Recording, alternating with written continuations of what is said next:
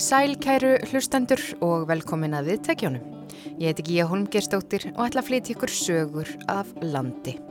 Þetta er nýjundi og síðasti þátturinn í sumar þáttaröðin okkar þar sem við týnum saman efni frá liðnum vetri fyrir ykkur til að njóta í sumar. En nú þegar haustið fyrir að gera vart við sig, þá er um að gera að minn okkur á síðasta vetur, já sem let okkur svo sannarlega finna fyrir því. Hver lagðin á fætur annari, óveður og ramagsleysi, ferðamenn urðu úti og snjóflóð yfðu upp gömul sár. Og allt minnir þetta okkur á hvað veðrið og náttúran ræður miklu um örlögu okkar. Og til þess að hugleita aðeins veðrið og hvernig áhrif það hefur á okkur, þá munum við rifja upp heimsokn mína einn kaldan janúardag til Rannvegar Karlsdóttur, þjóðfræðings og íslensku kennara við verkmentaskólan á Akureyri.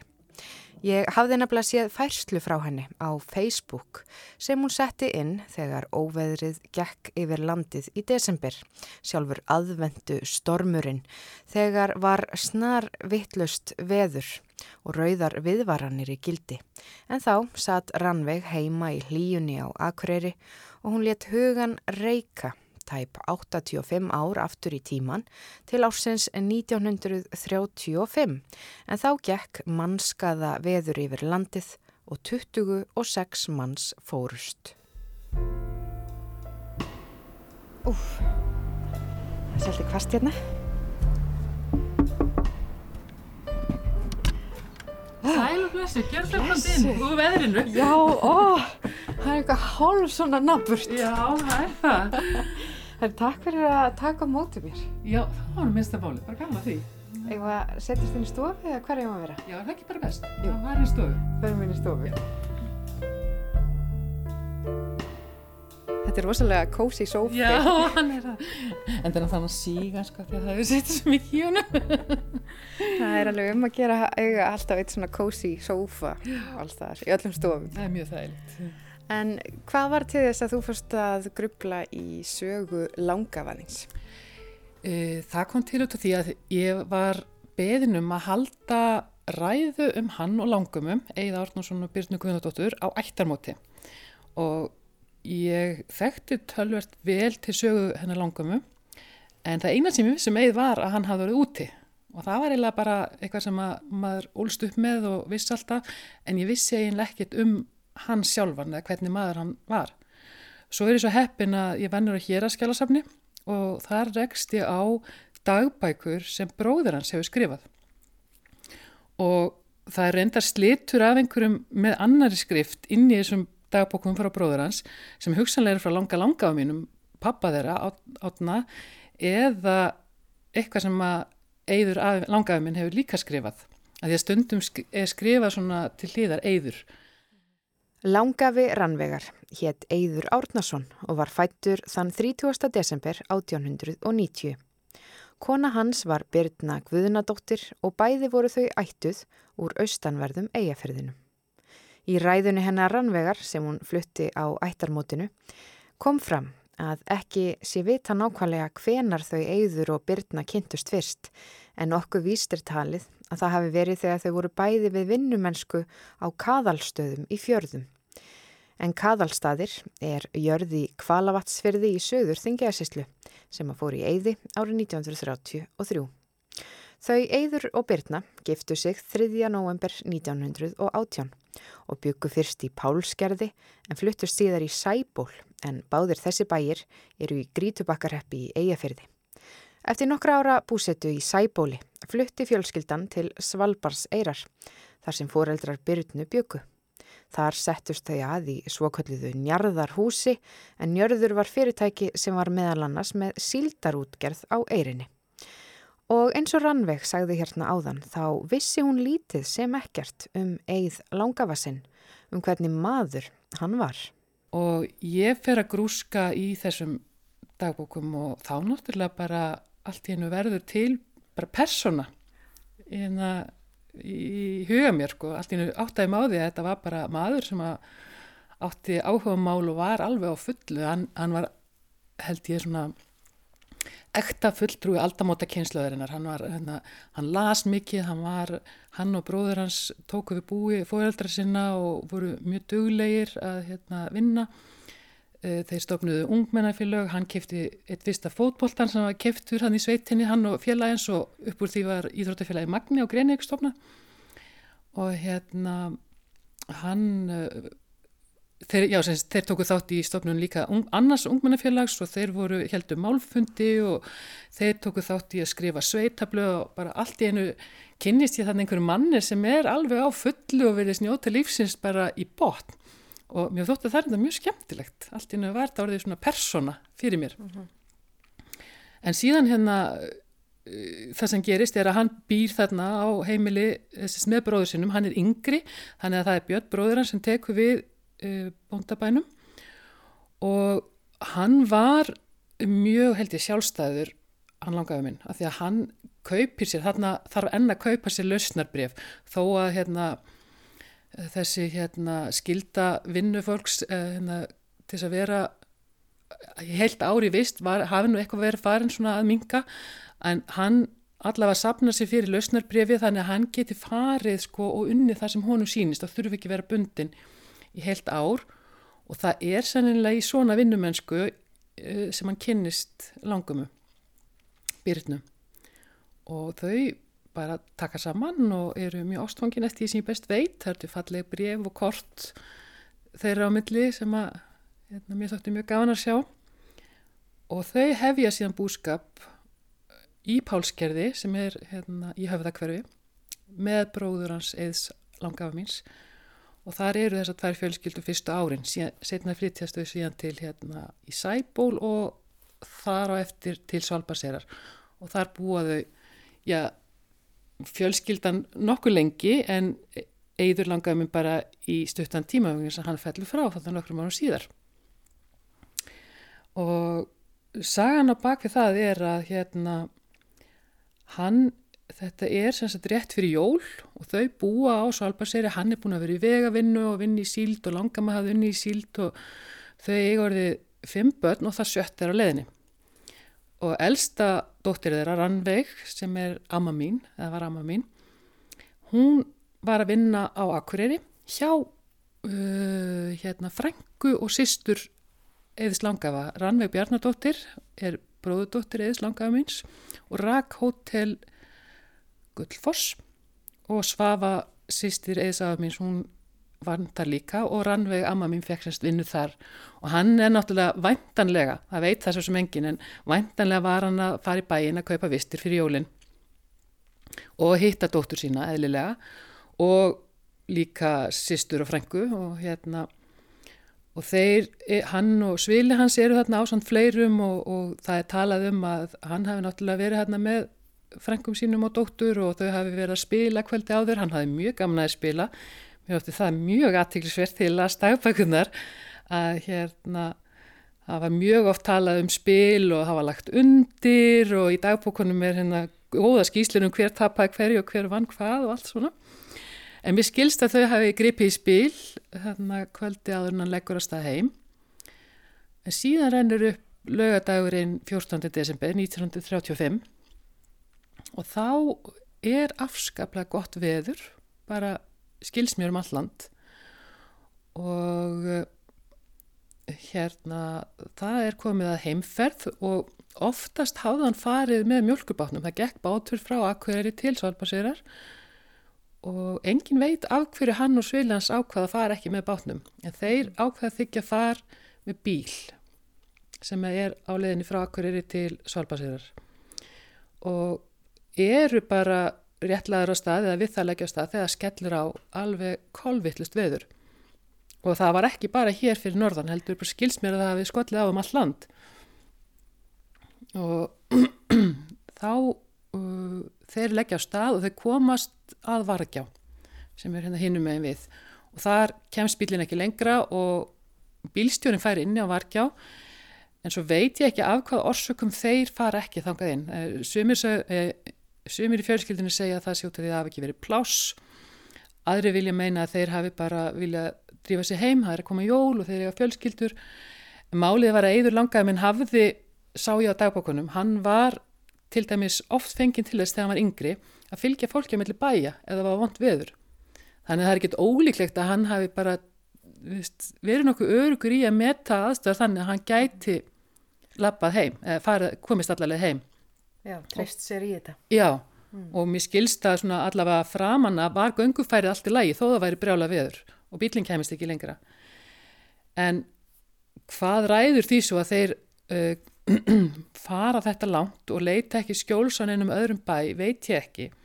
En þeir allavega leggja á stað fótgangandi frá Vargjá og alla til Svalbardsirar þar sem að langama býður, kasólétt með fjögur börna því eitt er að var náttúrulega nakkuriri og hérna síðan uh, þegar, og það er um kvöldmataleiti sem það leggja á stað og síðan er sagt þegar maður les hérna, frásagnir dagblada frá þessum tíma þá kemur sumstað fram að hann hafi á leðinni verið farin að finna til alls konar verkja og liðið illa og verið illt í maga eða e, séð offsjónir eða eitthvað slíkt og, og það enda með því að þegar hann er komin, það er orðið mjög stutt í svalbarserar að þá í raun og veru örmagnast hann og, og hérna degir skömmu síðar. Og, e, og e, svili hans þá stett fyrr uh, að næsta bæ næri hjálp og þá eru þau bara 200 metra frá bænum og hérna en Eyður langafi er þá dáin og, og hérna og ekki takt að gera sko, honum til bjargar sem er náttúrulega mikið áfallegna þess að eins og ég segja, hann er hann að þetta er fyrstulega ekki langt frá Svalbaseri og í öðru lagi á hann, er, hann er hvað 45 ára þegar þetta er og á stóra fjölskyldu og þannig að þetta var mikil svona harma fregn fyrir alla. Og setna sagði amma mér að hérna einhvern tíma þegar Amma tala nú stundum um þetta og hún sagði mig frá því að hérna, hún hefði einhvern veginn verið alveg, hún svaf mjög yllum nóttina, hann dreymt illa, hún hefði öruglega haft áhyggjur og svo þegar hún heyrði að einhverjir hefði orðið úti á Svalbjörnströnd þá var hún alveg vissum að það væri pappið sinn og það reyndist rétt við miður og hérna þetta er sem sagt hann deyr þá aðfara nótt 14. desember og ef ég mann rétt þá er það 17. desember sem sonur hans fæðist Eyður sem var skýrður í höfuð á pappa sínum og 21. desember er hann skýrður bara yfir kistu föður síns og uh, Eyður yngri uh, sagði mér það sjálfur að hann hefði lengi vel og er endar enn stundum í fjölskyldinni kallaði Lilli vegna þess að einfallega fjölskyldan, mammans og sýstur þar feng gáttu ekki tekið nafni Eyður sér í munn, það fylgdi á mikið sorg, það voru sárt að nefna nafnið á pappa, pappanum sem var fallin frá. Þannig, en ég veit ekkit hvort það var nákvæmlega það að hann væri að drífa sig heima því að langa maður væri ófrísk eitthvað. Þú veist bara ég, ég trúi því að hann hafi einhvern veginn bara metið aðstæður þannig, hann var vanur að vera á ferðinni, hann var oft úti eins og ég segi í dagbókunum komið fram að hann var að fylgja fólki á milli bæja eða var vond veður. Þannig að hérna og svo bara hefur eins og ekki stundum gerist þegar slísin verða það er bara margt hjálpa stað og einhvern veginn já og hann verður úti hérna rétt fyrir hann svalpar sér við bæ sem núna er endar ekki eh, hérna, er komin í eyði, hann heit grund rétt hjá mókili Fjallavarum þetta mannskaða veður í blöðum Svona var þessum atbyrði líst í morgumblæðinu, þann 17. desember. Þegar þeir félagar fóru frá Varðgjá komust þeir brátt á Svalbastrandar veginn. Reyndu þeir síðan að fylgja veginum og tókst það lengi vel. Segir ekkert markvert að ferðin þeirra meðan þeir gáttu rata eftir veginum nema hvað ferðin gekk sent vegna þess hver hríðin var mikil og þeir höfðu veðrið í fangið. En er leið á kvöldið fór eður heitin að dragast aftur úr og kvartaðum þreytu og kulda fyrir brjósti og í herðum. Nokkru setna mistu þeirra veginum. Nú fór eiður að kvartum að hann sæja eldglæringar og fleiri offsjónir. Gafst hann þá alveg upp á göngunni. Þorstein reyndi nú að bera hann um stund, en nokkru síðar fekk eiður krampakast og var brátt örendur. Þorstein læði hann til þar sem þeir voru komnir og freystaði síðan að ná til bæja og skömmu síðar kom hann að grund. Þaðan fóru menn með honum út í hríðina. Fundu þeir brátt líka eðs en það var hann ekki nema 200 metra frá bænum. En það er nú svo merkilegt með þetta að þetta er eitthvað eins og ég sagði á þann sem að maður ólst upp með og mér er alltaf þótt að svolítið merkild að hugsa til þess að hvernig svona minning og hvernig svona reynsla virðist geta gengið uh, aftur eða svona þetta er eins og minningin lærist Já. og það er mjög mikil veður áhuga í minni fjölskyldu mjög mikil veður hræðsla sem væntanlega að einhverju leiti má rekja til þessa atbyrðar og við byrjum ég held að ég geti fullist að öllum í fjölskylda beri sko mikla virðingu fyrir öllum lokunum og viðvörunum í sambandi við veður og, og, og okkur er ekki skemmt þegar fólki, fólk veður út í óvissuna og tekur ekki marka á viðvörunum og slíkum. Hins vegar var ekki slikt í gangi þennan dag og það sést best á því að þegar maður fer að skoða heimildir þá ég held að ég færi rétt með að það er 26 sem deyja þennan dag á Íslandi vegna veðurs. Já, út um all land það. Út um all land. Það er alveg ótrúlegt. Það er 22 sem farast á sjó og sjóminn eru náttúrulega einhverjir sem að vantanlega kunna vel að lesa í veður og einhverjir eins og uh, skils mér á söðakróki höfðu ekki farið hérna, að sigla en mjög margir mátuða þannig að það væri allt í lagi og, og mér skils líka á lýsingum frá söðakróki að veðrið hafi skollið alveg ótrúlega rætt á. Mm -hmm. Þannig að það eru, já, það er 22 sem farast á sjó, langafi verður úti, það er maður sem fer hjart áfalla því að hann er að reyna að bjarga söðfjennu sínu, að það var mjög mikið, það var mjög marga kindur sem hérna, drápust þennan dag út af veðri, það eru húsbrunnar um all land, það eru skráðar heimildur um að hérna, girðingar, gluggar og ímislegt svona hafi eðlagst og fólk virðist hafa verið nokkuð óviðbúið sem er svolítið öðru sem í dag þegar við fáum alveg veist, fáum ja. viðvaranir og, og hérna, getum undirbúið okkur og slikt þannig að þetta er það er svona svolítið merkild að setja stundum í vondu veðri eins og ég hef upplifað í desember. Þetta er rétt fyrir jól og ég hérna, hugsa til þess að það sé kannski svipa veður og þegar langaði minn var úti hvað staðan er breytt á ekki lengri tíma frá 1935. Já, að þetta er ekkert lengra síðan Nei. og já, það var akkurat í því sem að, já, margir kalla aðvendu stormin, mm. þessu óveðri sem geysaði hérna fyrir jólinn sem að þú rivjar þetta upp og, og setur þessa frásögn, þú setur hann á Facebook. Já, já, ég bara satt hérna heima, það var dagurinn sem að fólki var álægt að vera heima og var rauð við vörun og og ég, þá áttaði máði að þetta var bara nokkurn veginn, veist, bara upp á nákvæmlega sama tíma.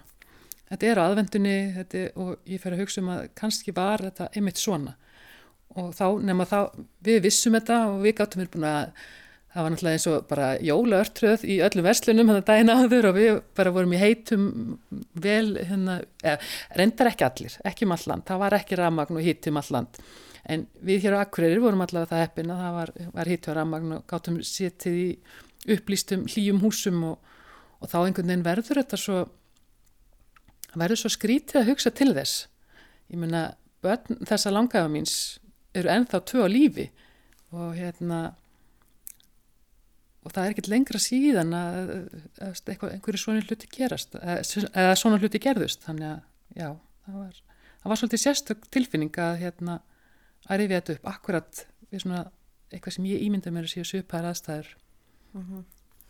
Það er svona eins og veðrið geti haft þá tilfinningarleg áhrif. Uh, hleyft á stað gömlum, já, ættar svona má kalla þetta sjokki ættar, ættar sjokki já, ættar sjokki, ættar minningum einhverjum ættar minningum. já, þetta er svona eins og sameilegt minning sem við eigum í fjölskyldunni að hérna, ég hugsa að það séu fleiri en ég sem að við hugsa, hugsi stundum til langafa og ég veit að allavega með hana rannvega amma mín, elsta dóttir hans voru lífi, þá held ég að veist, hennar börn og, og við barnaböndin hennar, við hefum oft svona uh, verið með henni þannig kringu 13. og 14. desember þegar dánardægur afa var, af því henni fannst það alltaf frekar erfiðu dagur.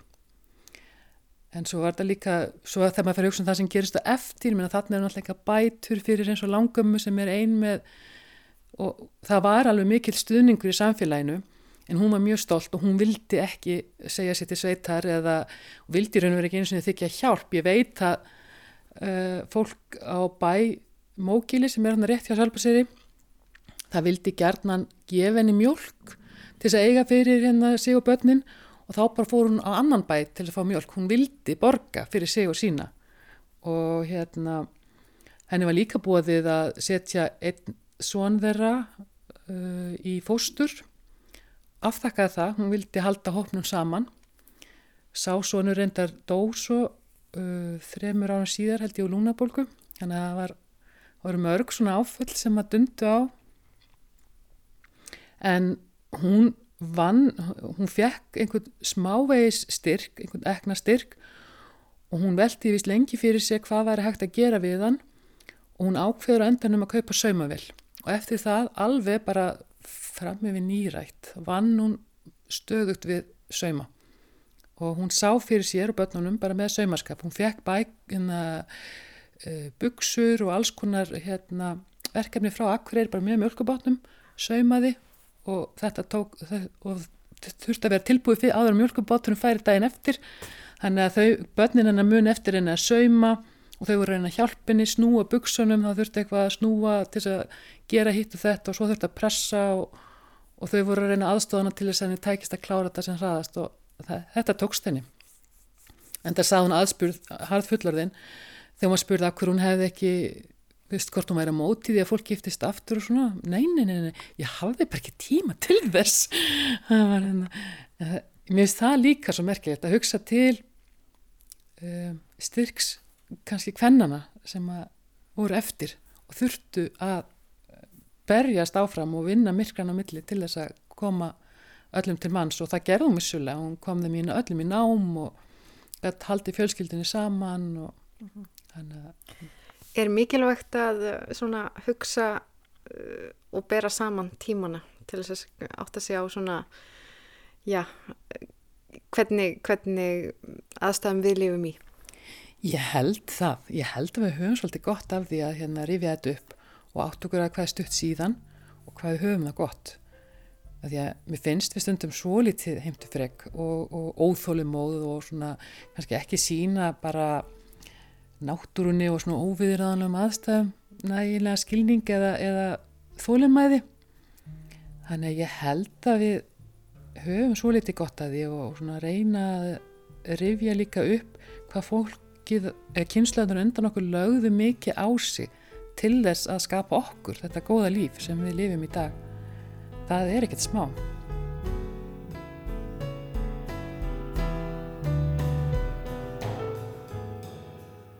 Þarna rifjaði Rannveig Hallstóttir upp örlög langafa síns, Eðs Árnasonar, sem varð úti þegar mannskaða veður gekk yfir landið í desember 1935 fyrir tæpum 85 árum síðan en 26 menn fórust í þeim veður ofsa. Þetta einslag var áður á dagskrá þann 17. janúar á þessu ári og við höldum áfram að tala um veðrið og rifjum upp heimsokk mína til bonda í Svarfaðadalnum þar sem við spjöldluðum um lífið í sveitinni og hinn svokallaða aðvendu storm en þá varð ramagslust í Svarfaðadal svo dögum skipti. Góðan daginn! Það er blessu blíðan. Ég heiti Gunnildi Kilóðdóttir og bý á steindurum í Svarfaðadal. Eh, við búum hérna ég og maðurinn minn, Hjálmar Herbertsson, við eigum fjögur börn. Þau eru svona ímist flutt að heimann eða aðflytja að heimann og allir en fullorinn og hérna eins og er býr e, búa tveir sinnir okkar hjá okkur og tengdadóttir við erum hérna með góbu 350 lítra kvota í mjölk og 100 kýr og slattarhórsum ei, ekkert svo mörg. Nokkra geitur, hænur og hunda og ketti bara allt þetta sem fylgir vennilegri sveit eins og okkur finnst. Já, þeir eru með geitur. Það er nú ekki kannski algengt. Nei, það var draumur minn síðan ég var í, í sveit í gána dag á bæ þar sem voru geitur. En hérna, bondin á næsta bæ sem að við, e, hérna, sem var með kindur, við vorum ekki með kindur hér á okkar bæ heldur, heldur voru kindur hérna bæna við hliðin ákur sem við keftum svo 2005. En bondin þar vildi alls ekki fá geitur þegar ég var að reyna að fá hann til að fá sér nokkrar geitur bara fyrir mig og, og smá hobby. Hann var ekki alveg til það, fannst vondlíkt að þeim og fann þeim allt í fóróttu en um leið og hann uh, seldi okkur kindirna sínar og, og hérna og við vorum búin að kaupa fjárhúsin áður þá greip, greip ég tækifæri og, og fekk mér þrjár höðunur og síðan er ekki allt snúið það eru mjög skemmtilegar Hvernig er að eiga geitur? Svona, já, virðaður eitthvað girðingar eða hvernig er þetta? Já, það er virða gott ramagn. Þannig við pössum bara á vorin þegar það er að fara út. Það sé gott ramagn á hólfinu þar sem það eru og síðan er það bara farnar upp í fjall. Þegar, þegar við leipum við þá sjáum við það ekkert fyrir að við náum við þér á höstin. Pössum að það sé brauðgjafar og, og vilji fóðbæti. Þannig að það er vonlist að rekka þær. Þannig við sækjum þær. Við, sagt, það er eld okkur heim. Og þá bara fint að vera með goða bröðpoka með og þá elda þær maður gefur þeim reglulega móla, þetta er svona eins og hans og greitt er elda bröðmóluna í. En þær eru rosa skemmtilegar. Kýðin eru eins og börn. Þau svona jarm ekki heldur. Þau eru svona svolítið eins og börn. Og hérna ótrúlega auðvelt að gera þau gæf. Þau eru eðlislega gæf, þau eru fæðast. Þannig að ef maður er duglegur að vera með þau þá eru þau uppi mann og allstaðar og, og vilja vera með manni en en ef maður sinnir þeim ekki þá svo verður það stygg og þá er það hundlegilega stygg sko. Mm -hmm. Bæjarnafnið hérna Steindir uh, þetta er svolítið sérstakt. Getur þú sagt mér söguna frá þessu bæjarnafni?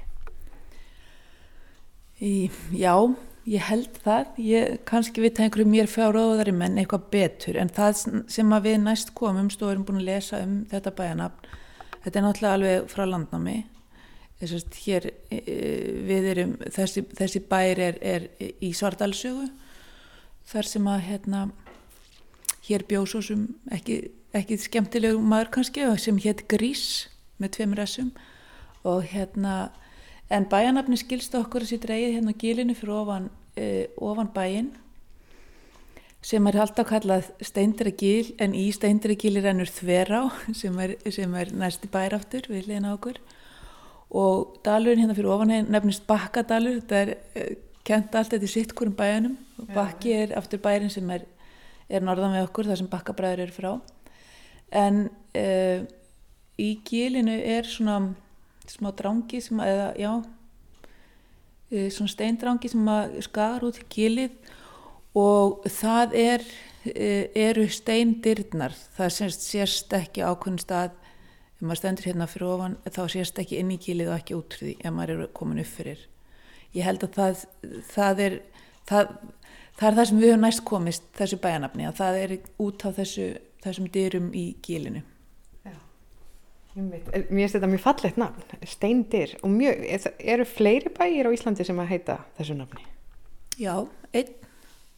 Og hann er, búin að vera eigði í mjög lengi, það er, hérna, það er steindir á Látraströnd fyrir norðan Grenivík og ég held að það hafi fallið snjóflóð á þann bæ og hann hafi verið eigði síðan. Og það er bara, held ég síðan á 200 eitthvað. Ég hef ekki alveg, kynnt mér sögu þess bæjar en það er, það er eina bæjarnafn sem ég hef heyrt. Og svo enkenlega tilvílun þá er, er hús í Ólarsfjörði sem heitir Steindir og við komumst bara af því vegna þess að þegar að þegar að maður var að fá sér hérna, netfang á sínum tíma að þá ætluðum við að nota steindir sem mm, í netfangi okkar en þá var það upptökið og við fórum eitthvað grenslast fyrir og komst að því að það var ólagsfinningu með þetta netfang og þá heitir húsið hans steindir. Við veitum ekki reyndar af hverju. Ég hef ekki forvittnast meir um það. Ég verði að eitthvað að fara í rannsóknarlegangur út á Ólafjörð. Já, já, það er nú svolítið ríður á milli Ólafjörð og Dalvíkur ennþá þannig að allavega hjá þessum, þessum gömlu, maðurinn minn er, er ekki sérstaklega hrifin á Ólafjörði í orði. Við fylgt að við erum fólki á Ólafjörði þannig að það er meira svona grín. Já. En já, þetta hefur nú verið svolítið svona erfiðu vetur hérna fyrir, já, fólk bara hérna fyrir norðan Hvernig segðu mér aðeins frá svona þinnu upplifin af þessum vetri? Þetta er búið að vera svona pínu æfintýri. Uh, já, fyrst náttúrulega var þessi, þetta ramasleysi sem var náttúrulega uh, fyrir svartalinga uh, erfitt. Við vorum svo lengi ramaslaus.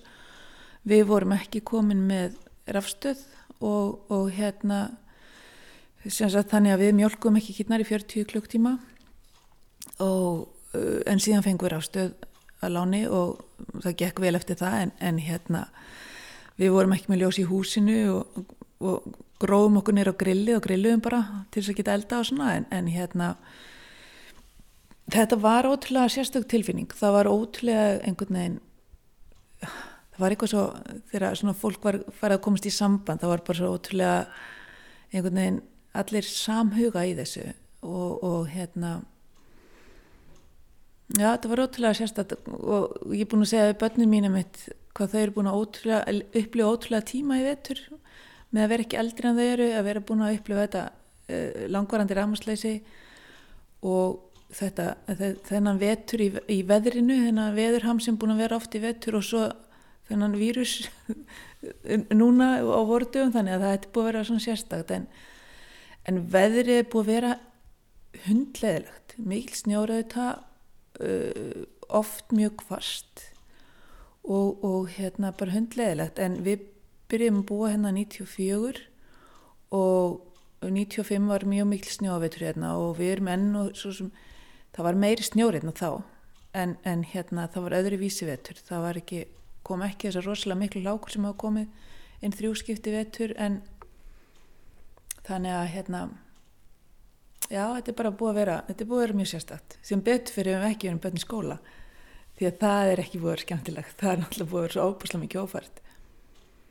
Pluss ástandið núna á, á veirutímum sko. en, en, en veður ástandið var búið að vera nóg leðilegt í samvættu skóla og hvaðan börnum er út hann náttúrulega gæti ekki gengið og, og búið að vera oft erfitt að ná í mjölk ég hef ekki heldur vilja að vera mjölkubílstjóri ekki þeirra vetur í vetur.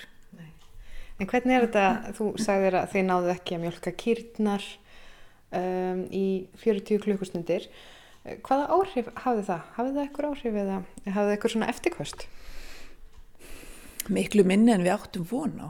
Það var hérna, þar voru náttúrulega ekki dvoðalega gladar og, og hérna það var samt, þar bauðluðu mikið og kom, alltaf þeir vorum úti að hjá þeim, þá bauðluðar mikið og vild, vildu náttúrulega við syndum þeim.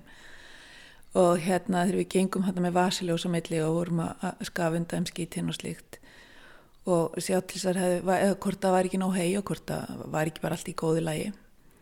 En e, þannig það var gríðarlega mikið í þeim að sjálfsögðu þegar við mjölkum, við vorum náttúrulega með 60 kýr mjölkandi og, og hérna við ákvaðum að reyna ekki einu svona að byrja handmjölka, við höfum ekki gett að valið, voru alltaf marga nýlega borðnar en e, við mjölkum þarna e, um leið á mjöldavelin, e, nei hérna ljósavælinn kom, þá mjölkum við þarna að, að nóttu til. Og það færist mikil ró yfir og eftir. Þar voru bara það lagðist öll hjörðin og var bara hvusljúandi fegin.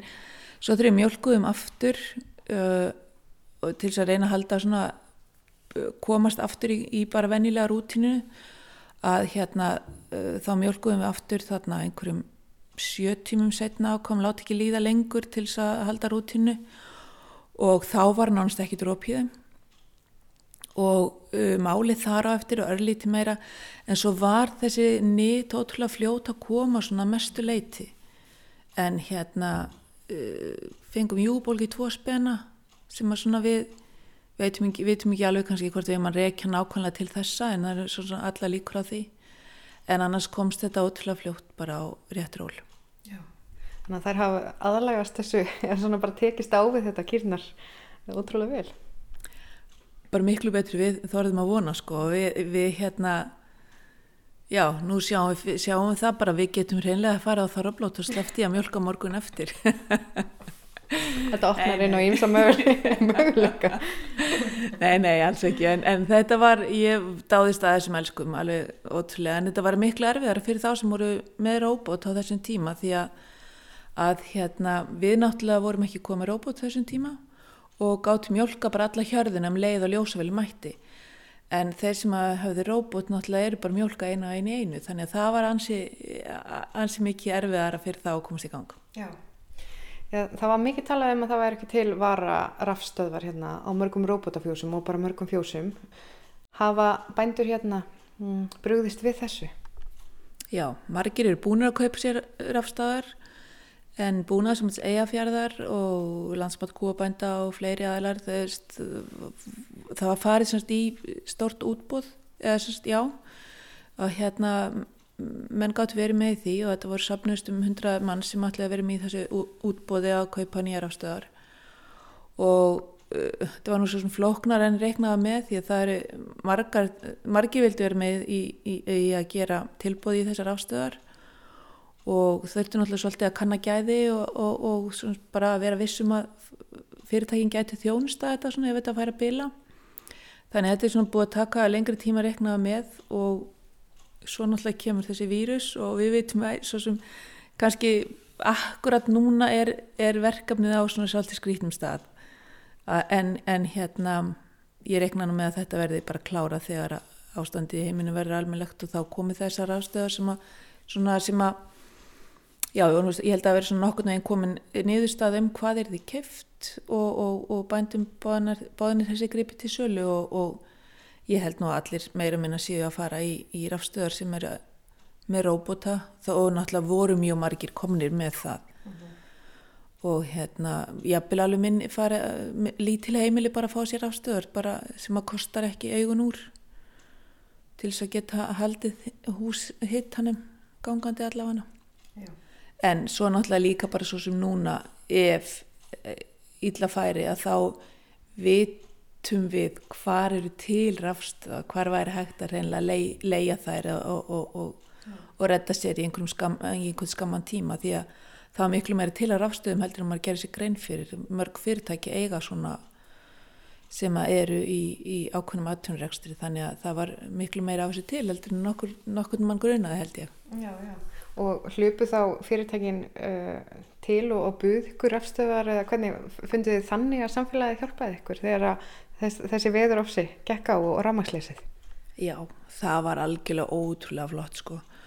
Við hérna, við reyndar akkurat hér við lendum því að vera að við vorum við vorum ramagslaus, við vorum símasambandslaus og við vorum netlaus þannig að við vorum alveg sambandslaus við umheiminn e, e, hér og, og dalitnir hérna frama við okkur báðir því að við náðum því að við hefum endvarpstöð hérna í, í kvarfinu hún var úti.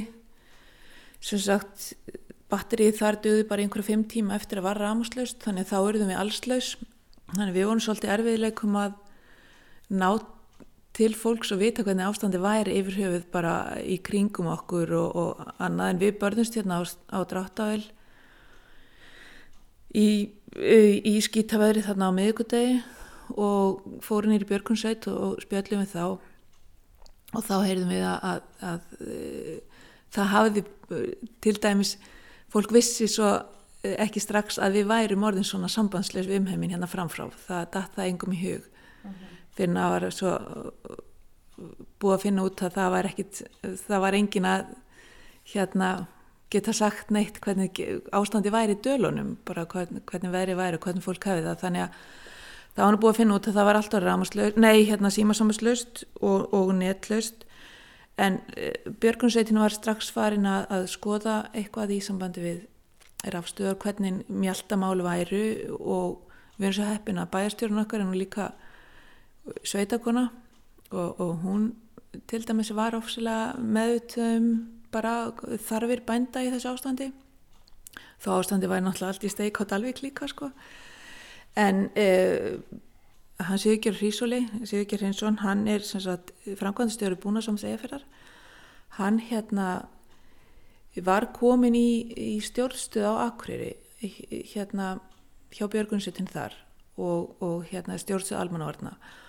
Og hann var náttúrulega mjög fljótur að gera sér grein fyrir ástandi væri e, slæmt og, og e, Björgunsveitin á Akureyri eða í samstarfi hann, þeir sagt, hafðu sambandi við fyrirtæki á Akureyri og einhver fyrirtæki hafðu bara samband af fyrrabræði og það var sagt, þannig söpnuðust rafstöðar sem voru kerðar hérna út í dalinn og á einhverju fleiri staði.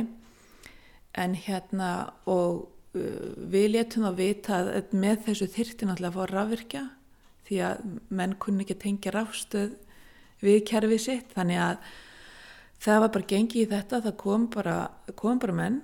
Björgunsveitin kom með þetta uh, kerandum sveitina, það kom menn á flesta bæi með til þess að tengja þetta inn á kerfið og koma þess í gang. Og þetta var bara frábært, þetta var svo ótrúlega uh, mikil samhugur og, og, og hérna, fyrirtæki bröð svo flott við og, og hérna bara, þetta var bara frábært sko. Það sem ég kannski mest út á að setja, það var að rúfta þetta út og hérna við höfum ekkert nema langbylgjuna og langbylgjan er komið fréttir klukkan 6 á kveldin og svo ekki finnir 10 þannig að við mistum að fréttum klukkan 6 langbylgin og þá þurftum að býja til 10 til að heyra bara hvernig ástandi væri á landinu yfir höfuð, þú veist, maður var svona pínu svektur og það skildi ekki vera svona einhver neyðar áallun á langbylgi að þú veist að það væri fréttir þar á klukktíma fresti þegar eitthvað svona gerðist af því að það var náttúrulega ótrúlega stór hlut á landinu bara í ruggli sko. Og svona meðan við heyrðum fréttir þá var alltaf sagt já, nánar þetta á rúpunduris og maður bara, að við erum ekki með net og, og, og vissum ekki. Svo náttúrulega, við, við, okkur dætti einlega ekki í huga að við myndum missa sko útvarpi nema langbylgi sko. Þannig að þetta var og bara það til dæmis að við vorum svo, sko, svo bara í ramasleysi og þetta er inn í eina gýr maður bara, ok, setjast bara niður og fáum okkur pop já, nei, við popum ekki. Ok, svo, svo, svo lappaði maður inn í búr alltaf, þú veist, bara eins og dagstæðilega og alltaf reyndi maður að kveikja ljósinn, þú veist, við vorum við rámaslis í daga, ég held í sko tvo daga hafum við ennþá verið, að reyna að kveikja ljós, en hérna, við vorum sko, hérna, við fengum svo endanum varafl í hérna fjarskiptið, þannig að við vorum ekki síma sambatslaus nema hann einhverja tvo daga eitthvað slaus, en hérna, Eh, þegar það lóksins var að detta inn þá kvektum við á flestum bæum bara heyri byttu já það er allir talstöðar við hefðum getað haft sko talstöðar samband á milli bæjana það var nefnilega svo bagalegt að, að sko björgunsveitin þurfti ekki keira bæja bæ til þess að veit hvernig ástandi var að það var ekki hægt að ringja í fólk. Og en, en hérna við, það kvekt engin á perinni að þú veist að það væri hægt að kannski að reyna að ná á milli bæja með talstöðum. Því hér náttúrulega fara allir í göngur og allir eiga talstöðar sem eru notar í göngum. Og við hefðum náð alltaf, ég hefði náð á einhverja bæja og þeir hefði, þú veist, við náðum náttúrulega ekki á milli ef það sérst ekki á milli. Eða illa allavega en þannig að við hefðum alltaf geta komið skilabóðum sennilega svoleiðis á alla bæja þannig að núna er einlega búið ákveð það að, að ef það svona gerist aftur þá fara allir á rás fjögur á, á talstöðinu sinni og þá getum við haft samband á milli bæja. Þannig að það kveiknar alls konar perum í svona. Ja. ég held líka að fólk hafi verið búið ótrúlega lengi rámaslist á þannig að fatta að nota grilli sitt. Eða bara myndi eftir það ætti kannski gamlan prímus út í bílskúr eða, eða, eða nota pallaheitran til að heita í stofinni eða eitthvað þú veist það er bara svona frá fólk er svo lengi að kveikja við erum svo ótrúlega háramagni sko þannig að það var einlega Þannig að samfélagið hefur lært töluvert af þessu. Þannig að ef eitthvað svona gerist aftur, þá eru þau við öllu viðbúin. Já, ég held að það veri töluvert annað bræður á þessu ef þetta gerist aftur, sko, já. En aðeins bara um sveitina. Hvernig er svona hérna, já, landbúnaður í Svarvaðadal og, og Skíðadal, þessu svæði? Hvernig myndur þú lýsa honum? Ég myndi segja að það væri bara ótrúlega blómlegur. Bændur bara, hér hafa bara almennt tekið Eh, núna síðustu árin að það ákvörðun að vera ekki breða búi heldur halda áfram búskap og ebla búin og búa byggjan í fjós og, og það sem ekki hefur byggt þar hefur uh, mikið verið breytt langt flestir verið að koma með robot sem er svo sem ekki við mið en, en það er allavega búin er að stækka. Uh, við erum búin á riðisvæði þannig að það er svo sem ekki hérna kannski neitt blómlegur uh, söðfjabúskapur, það er ekkit reysastort söðfjabú hér. Þannig að en flestir eru með einhverja kindur og, og hérna það búi í öllum húsum meira minna og, og hérna örfar jarðir er í eigu annara sem er að nýta þessum sömarhús en, en hérna flestum stöðum er bara ótrúlega blómleg byggð og frábært mannlíf hérna Og hvernig myndur þið lýsa svona mannlífinu á sveðinu? er ríkur á milli hérna, svartalinga og skýðdalinga til dæmis? Nei, það hef ég aldrei heyrt. Það er eins og það ríkur á milli austukjálka og vestukjálka. Báðum kjálkum fyrst útsýnir best heima frá sér af því þeir sjá yfir en við sjá, segjum náttúrulega sem búum hérna vestamegin dalum að, að, að hérna, það sé eina goða við að búa hinnum einn að það sé að horfa yfir á vestukjálkan en hérna e, ég held að það sé bara ótrúlega góð stemming hérna. Það við mistum reynda mikið við mistum skólan á sínum tíma því þar var svona mikil félagsmyndstuð fólk mætti þar á alla viðbyrju meira minnað hvort sem það áttu börn eða ekki. Þannig að það er svolítið breyst en, en hér er e, bara ótrúlega gott bændisamfélag menn eru til í að hjálpa staði við eitthvað að bjátra og, og hérna líta til með hverju öðrum. Og hérna já, bara dugnaðar í fólki. Mm -hmm. bara fólk á besta aldri líka hérna. Verið aðeins að yngjast upp og mun yngjast upp meira. Það er svona krítist þegar maður er kringum 50 það er maður kannski ekki alveg tilmöðuna hérna hætta en, en hérna ætti kannski ekki gera það akkurat núna. Þannig að fólki á besta aldrei takki við en, en hérna ég held að bara þetta sé uh, já ég held að allan fólk svona úthafi finnir það að hér sé góður andi og, og, og hérna hér líður bara fólki vel mm -hmm. Fyrir þá sem er ekki kunnu í svæðinu þú talar um austurkjálkan og vesturkjálkan getur útskýrt uh, hvað þú ert að tala um þarna Hvað er austurkjálkin og vesturkjálkin? Já, það sem að ég er að tala um það er að, að dalun liggur svona nokkurnu í norðu-söður og, og áinn rennur hér eftir dalsbotninum eins og annar staðar. En þannig að austurkjálkin er það sem þeir sem búa austan megin ár og vesturkjálkin þeir sem búa hérna vestan megin. Þannig að, að hérna, já, já. Við tölum mikið um, um austur, austurkjálka og vesturkjálka og svo tölum við um, um framdalinn og skíðadalinn. Já.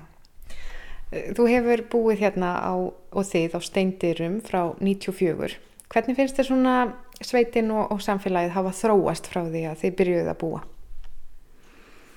Það var náttúrulega e, frá því að við byrjum að búa þá var náttúrulega þegar við byrjum að búa þá eru margir bæir að hætta í mjölkframleyslu á þeim tíma og, og mjölkubúum hefum fjökkað hérna gríðarlega bara eins og annar starf landinu en mannlífi er rosa svipa. Það er ótrúlega margt fólk sem býr í dalnum og, og fólk vil vera hérna. Og, og hérna þetta er ekki eins og þessi bæir hafi farið í eyði þó er hafi hægt mjölku, mjölkuframlislu og, og hérna það gríðarlega stemming hérna kringum göngur til dæmis. Óbáslega margt fólk sem kemur þó að sé ekki margt fyrir hér þá er yfirlt fleira fólk en fyrir á réttinni og það skapast gríðarlega stemming í kringum það, fólk kemur ár eftir ár og, og vill vera hérna í kringum göngur og það er mikið sungið og mikil gleði og, og hérna við höldum réttarbali í pínulitli gamlu samkómhúsi þar sem þú ferði einlega innum aðra hörðina út um hérna til þess að halda svona streyminu gangandi. Þar densa menn bara frá klukka nýju til eitt og fara svo glæðir heim og svo alltaf á sunnundaskvöldi og, og hérna hér er haldið ball á sumrin. Hér er alls konar veist, fólk er í kórum fólk er í kvennfélagi það eru endalisfélag og, og saumaklúpar og þannig það er svona, fólk er að hittast og, og hérna hafa gaman og já. já. Og hefur ferðarþjónustan svona aukist hérna? Þannig ferðarþjónustu búskapur? Já. Þegar að við flytjum hinga þá er það náttúrulega bara eiginlega ekki neitt. En uh, það er konið tveir ferðarþjónustu bæir hérna uh, í einni framdælum skeiði og svo náttúrulega Klangsóll í Skíðadal sem er náttúrulega með ferðarþjónustu allt árið.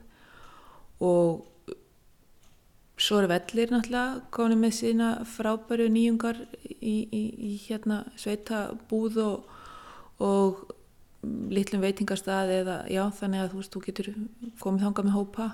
Frábær staður og, ofsalega gáðan að koma Húsabækki var rekinn náttúrulega eftir að skólahald hætti sem ferðarþjónsta og það er tjálstæði ferðarþjónstan það er í einhverju uppnámi eins og er ég veit ekki alveg hvernig staðin er á því.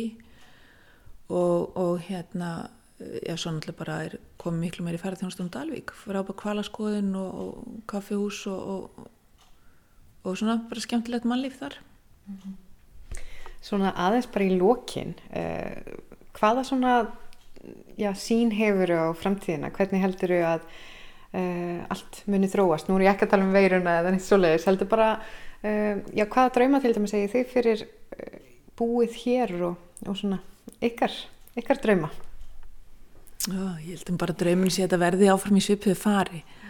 Það sé bara, það sé gott að búa hérna, ég held að, og, og ég held að Laukubið er bara gott sveitafélag að búa í og hérna þannig að það er indislegt að hinga vilja koma ungt fólk og vera hérna og, og búa hérna og gott að vera hérna börn og náttúrulega þetta ásannlega fallegt. Þetta er öndu veginn íslenskra dala við fyrir náttúrulega ekki ofan á því. Og, og hérna þó að sé snjóðungir vetur annars slæð að, að hérna þá eru sumrin oft mjög góð og, og, og hérna ég held að allavega þeir sem að búa hér í dag og, og, og sá búskapur sem er hér í dag hann, hann muni áfram, áfram verða eins og í sipum farvegi og, og bara meðan unga fólki vil koma að vera einna þá lítur að vera gott að vera einna og þannig er það í dag og ég vona að verði þannig áfram Þarna var rætt við Gunnhildi Gilvadóttur, bónda á steindirum í Svarfaðadal. Þetta viðtal var áður á dagskráðan 24. april á þessu ári Og þá er komið að lokum í sömarþáttaröð okkar hér í sögum af landi þar sem rifjað var upp efni frá liðnum vetri fyrir ykkur til að njóta í sömar. En við verðum hér aftur í næstu viku með glænýjar sögur af landi. Við þökkum þeim sem hlýtu, lifið heil.